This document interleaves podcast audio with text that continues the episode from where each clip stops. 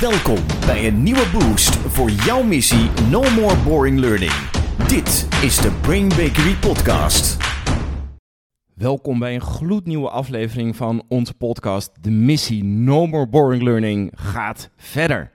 En ik ben hier natuurlijk met Sjane. Hi Jan-Peter, lekker dat we er weer zijn. Sjane, het was weer zover. Ja, dat klopt. Je zat je op te winden. Ja, eigenlijk was dit een opwinding die al een jaar liep. Want aan het eind van het jaar gebeurt er regelmatig iets in trainersland en in L&D-land... waar ik me dan ontzettend over opwind. En ja, ik wilde deze al heel lang maken, maar we wilden hem zo timen dat hij een soort uitkomt vlak voordat het gaat gebeuren. Want het is weer bijna het einde van het jaar. En op Ja. het einde van het jaar krijgen we dan vaak mailtjes van trainingsbureaus. En die luiden als volgt: Heb je nog budget? Is er nog een potje? Maak nu je geld op en kom bij ons en volg een training. En ja, ik, me- ik wil dat zo graag dat dat stopt. Ik vind dat zo'n teken van falen van onze, onze L&D'ers, van onze trainers, van onze industrie. Ik vind het eigenlijk een soort triple fail. Op drie vlakken falen we. Een triple fail? dus zijn er drie mensen, partijen die het fout doen? Zijn er drie slachtoffers? Ik denk dat, dat inderdaad drie partijen doen het fout. En die zijn dus ook slachtoffer van datgene. Want omdat ze allemaal falen, gaat het niet over leuk leren, fijn leren, leren dat bijdraagt aan, aan performance. Niets van dat alles. Een triple fail. Mhm. We gaan eh, de triple fails dan maar aflopen, zou Ja. ik zeggen. Dus ja, brace for impact. We gaan eens even kijken. Wat is hier aan de hand? Waarom winden we ons daar zo over op? En natuurlijk ook, wat is dan slim om te doen als L&D'er als je zo'n mailtje krijgt? Of moet je zo'n mailtje voor zijn? Sjane, wat is de allereerste? Ja, de eerste fail is eigenlijk HR of L&D. Het ligt een beetje aan hoe, de afdeling heet in Ja. de organisatie. En bij een hele grote afdeling heb je HR en L&D. En soms f- you know, zijn, zijn die taken samen. Maar HR strijdt natuurlijk ieder jaar voor budget. HR valt traditioneel gezien onder de investeringslijn, dus onder de budgetlijn. Ja. Dat wil zeggen dat HR moet vragen aan de organisatie: mogen wij geld hebben voor leuke dingen? Maar ook mogen wij geld hebben voor ontwikkelen. Dus L&D'ers die strijden aan het eind van het jaar, vlak voordat het budget opkomt, eh, strijden ze van mogen we zoveel procent van de loonsom, mogen we investeren in de mensen. En dat doen ze met natuurlijk een supergoeie reden. En die reden is, de wereld verandert, onze mensen zullen nieuwe skills moeten leren. Die reden is, we willen mensen binden en boeien. We willen ze gave dingen, we willen ze, dat ze het gevoel hebben, we investeren in je. Ja. Je bent niet slechts een productiemiddel wat maar moet leveren, maar wij willen dat het goed met je gaat, dat je je ontwikkelt, dat je misschien zelfs door kunt groeien. We willen mensen behouden, binden, boeien. Er zijn allemaal redenen die, denk ik, onze luisteraars allemaal best goed kennen. Ja, Waarom je wilt dat er veel geld vrijkomt om te investeren in groei van mensen, in leren en ontwikkelen. Dus zij strijden daar keihard voor. En op de een of andere manier zit hun veel er dan in. Dat is dus niet dat strijden, dat is geweldig.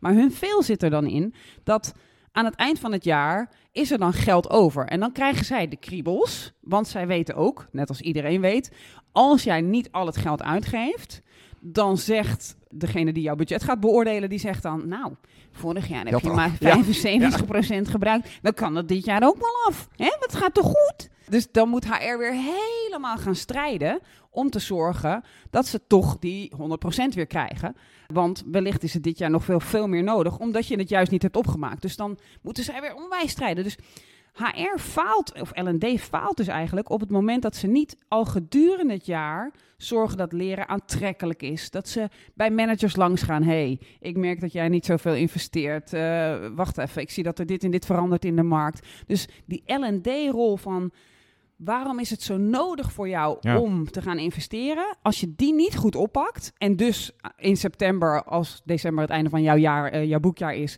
denkt... Oh shit. wat geld Iedereen over. op time management cursus we moeten het opmaken. Of soms bellen ze ook hè, naar trainingsbureaus. Wij zijn ook wel eens gebeld van we hebben nog wat, eh, kun je, kunnen Ja. we voorfactureren Ja. of dat soort dingen. Dus dan worden ze eigenlijk een soort, ze trappen in de valkuil dat ze wel het budget reserveren, maar niet zorgen dat dat op de goede plek aankomt. En dat leren zo aantrekkelijk is dat managers ook denken ik ga het doen. En dat deelnemers of medewerkers ook zeggen, hey, Gaan we nog wat doen met me? Ik merk dat ik daar beter in wil worden. Of ik denk dat ik daar achterloop. Of ik, ik zie een nieuwe technologie. Kan ik daarin getraind worden? Dus dat is de veel van onze lieve L&D'ers en HR. Sorry. Oeh. Ja. En dit is dus best een, in die zin, grote veel. Dat de veel is dus niet één enkel moment. Eigenlijk is het, als je je budget niet op hebt gemaakt, zou dat dus een teken kunnen zijn dat je gedurende het jaar niet helemaal de consultantrol hebt opgepakt, Ja. maar dat je eigenlijk hebt zitten wachten. Kijk eens wat ik geregeld heb. Eigenlijk, en ik snap het ook. Ik, weet je, dat is het ook. Ik snap het zo goed. Je denkt echt van, wow, we hebben gestreden en het is ons gelukt. We hebben zoveel, zo'n pot geld om te investeren in de mensen. Ik heb hier een snoepwinkel Ja, en ja. niemand komt. Nee. En, en dat is een beetje wat er gebeurt. En als je dan echt een soort verzuurde L&D over HR krijgt, dan... Ja, ieder jaar strijd ik weer, maar eh, niemand maakt er gebruik van. Kijk, het ligt allemaal klaar. En dan krijg je die verzuring. En, Ja. en ik denk dat inderdaad de rolopvatting moet dus ook zijn... als L&D'er moet ik dus naast dat ik het regel dat het geld er is... ook regel dat het aantrekkelijk is, dat je de voordelen... dat je ook mensen aan hun jasje trekt van... hé, hey, wat ben jij aan het doen? Dus dat. Maar goed, zij zijn niet de enige veel. Nee, oh, oh. voor alle LD'ers, hou moed, je bent niet, het is niet de enige veel. Nee. Eh, je bent in een goed gezelschap, Eh, want we gaan er veel nummer twee, wat ervoor zorgt dat je die mailtjes eh, krijgt over, heb je nog budget? Ja. ja, dat zijn natuurlijk de managers zelf. Hè? Want ik zei net, L&D'ers moeten die managers wakker schudden. Ja. Maar ik denk dat ik, als ik wel licht generalistisch spreek, dat de meeste managers in de valkuil vastzitten of in het dilemma vastzitten. Dat je aan de ene kant heb je geen tijd. Je hebt een tekort aan personeel. Mensen vallen uit. Mensen lopen de deur uit. Je zit met, met heel veel werk en te weinig mensen. En aan de andere kant wil je zorgen dat die mensen blijven door in ze te investeren, Ja. door ze beter te maken.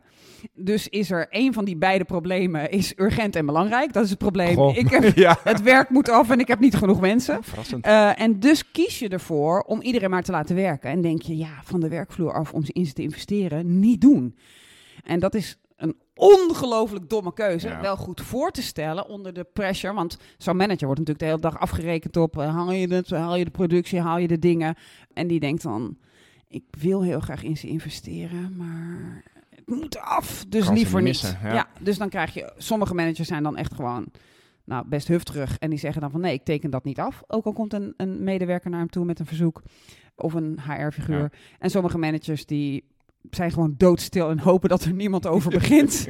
en als je dan boring learning in je organisatie hebt, ja, dan gaan mensen ook niet Nee. willen. Ja, Nee. en dan komt HR niet langs of L&D en die slaat je niet eh, op je hoofd dat je denkt, oh ja, wacht even. Het is veel slimmer om nu wel te investeren. Ja, dat kost op de korte termijn even iets, maar voor de lange termijn blijven mijn mensen, worden ze beter, worden ze blijer, gaan ze productiever worden.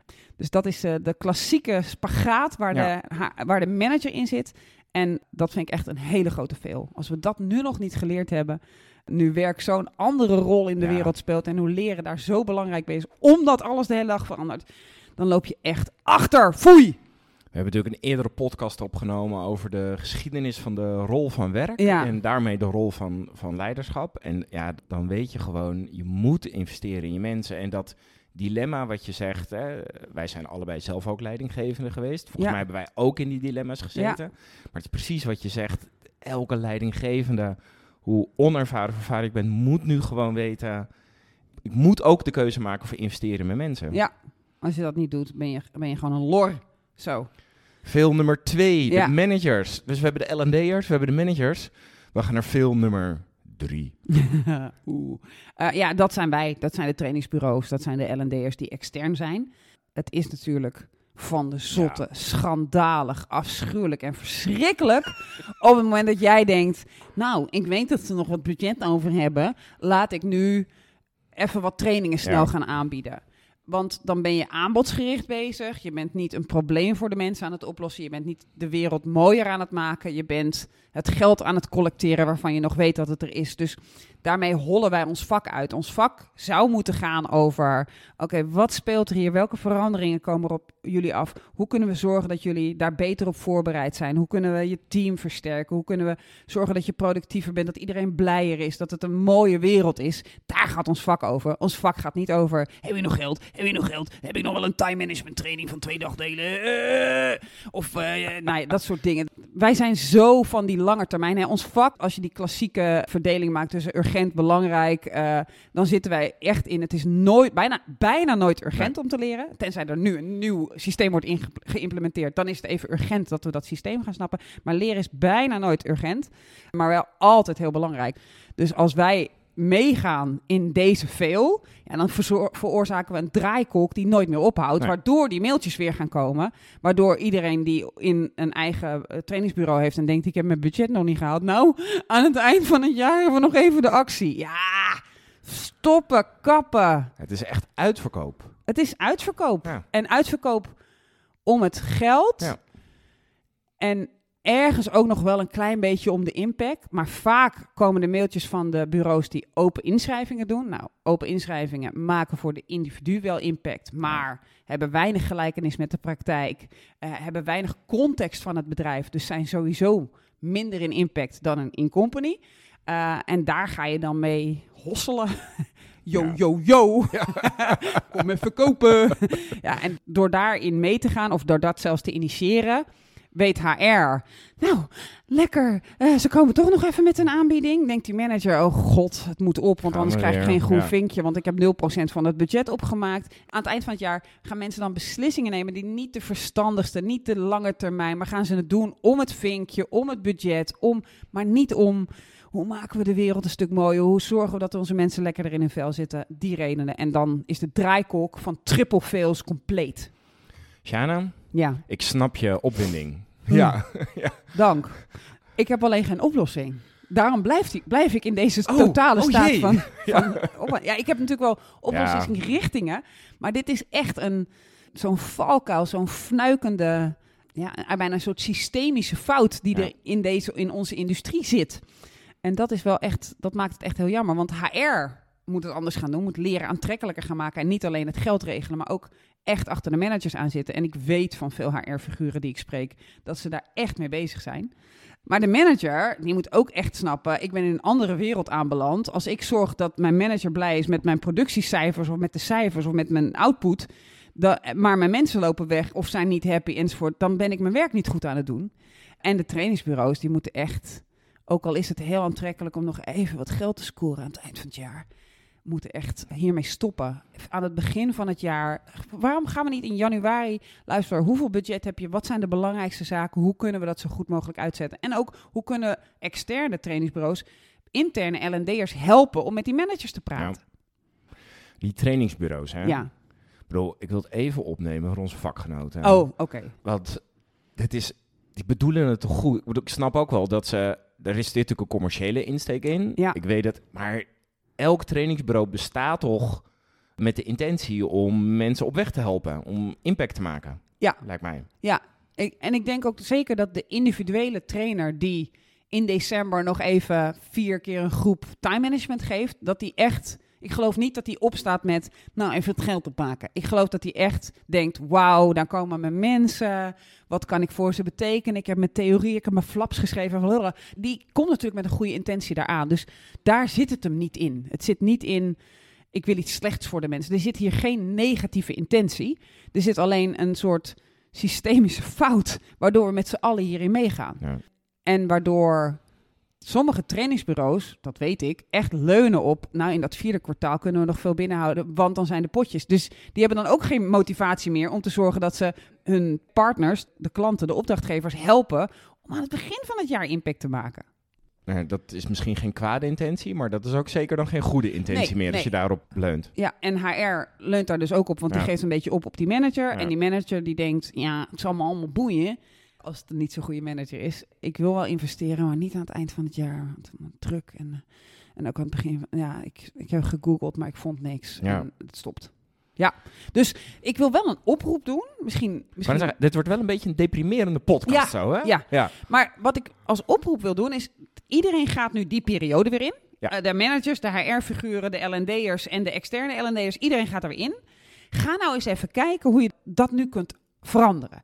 Als er zo'n mailtje komt hè, van, eh, heb je nog een potje? Stuur hem eens terug met, lieverd, ik zie je liever aan het begin van het jaar om mij te helpen om het potje vanaf het begin van het jaar echt goed te gaan eh, inzetten. Zullen we een afspraak maken? En ook voor de trainingsbureaus en de trainers die dit soort dingen doen, probeer het eens even anders aan te pakken. Ja.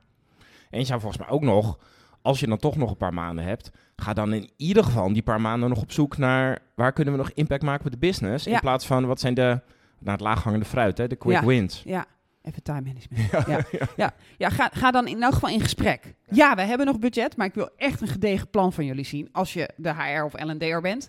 En ik wil ook nog steeds, ook al heb ik het druk, drie partijen uitnodigen die met ons meekijken om het mooiste plan te maken. In plaats van, ja, we hebben nog 17 mensen die moeten nog, kunnen nog een open inschrijving doen. Goed, lieve mensen, ik denk dat dit het was. Ja, Eh, ik wil eigenlijk zeggen, blijf vigilant. Blijf, het is daar een goed woord voor.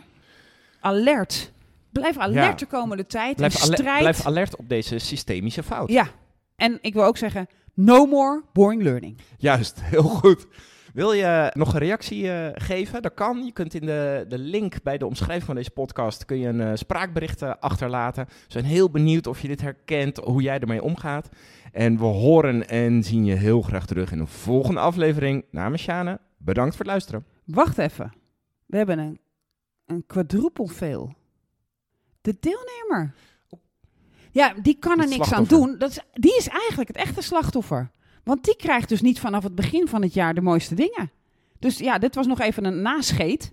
Een, een soort afterthought. Maar die deelnemer, die krijgt natuurlijk wel een gecommitteerde trainer. Ja. Maar die wordt nog even gestuurd. En die voelt, laten we het daar even over hebben. Die voelt dat hij gestuurd wordt om het budget op te Ja, maken. Want vinkjes. die manager gaat dat ook nog zeggen. Dus die voelt ook echt, you don't care about me. Ja. Je wil niet mij beter maken. Jij wil dat ik een dag in een boring training ga zitten. Als ik even overdrijf nu, klein beetje, kleine hyperbool. Als ik even overdrijf, ik wil jou kwijt en jij moet daar gaan zitten voor mij, zodat ik mijn vinkje haal, want ik geef niet om jou. En dat is misschien nog wel het allerschadelijkst. Bedankt. En ik wens jullie veel depressieve maanden. No more boring learning. Dit was de Brain Bakery podcast. Wil je meer weten? Kijk dan op brainbakery.com of volg ons op onze socials.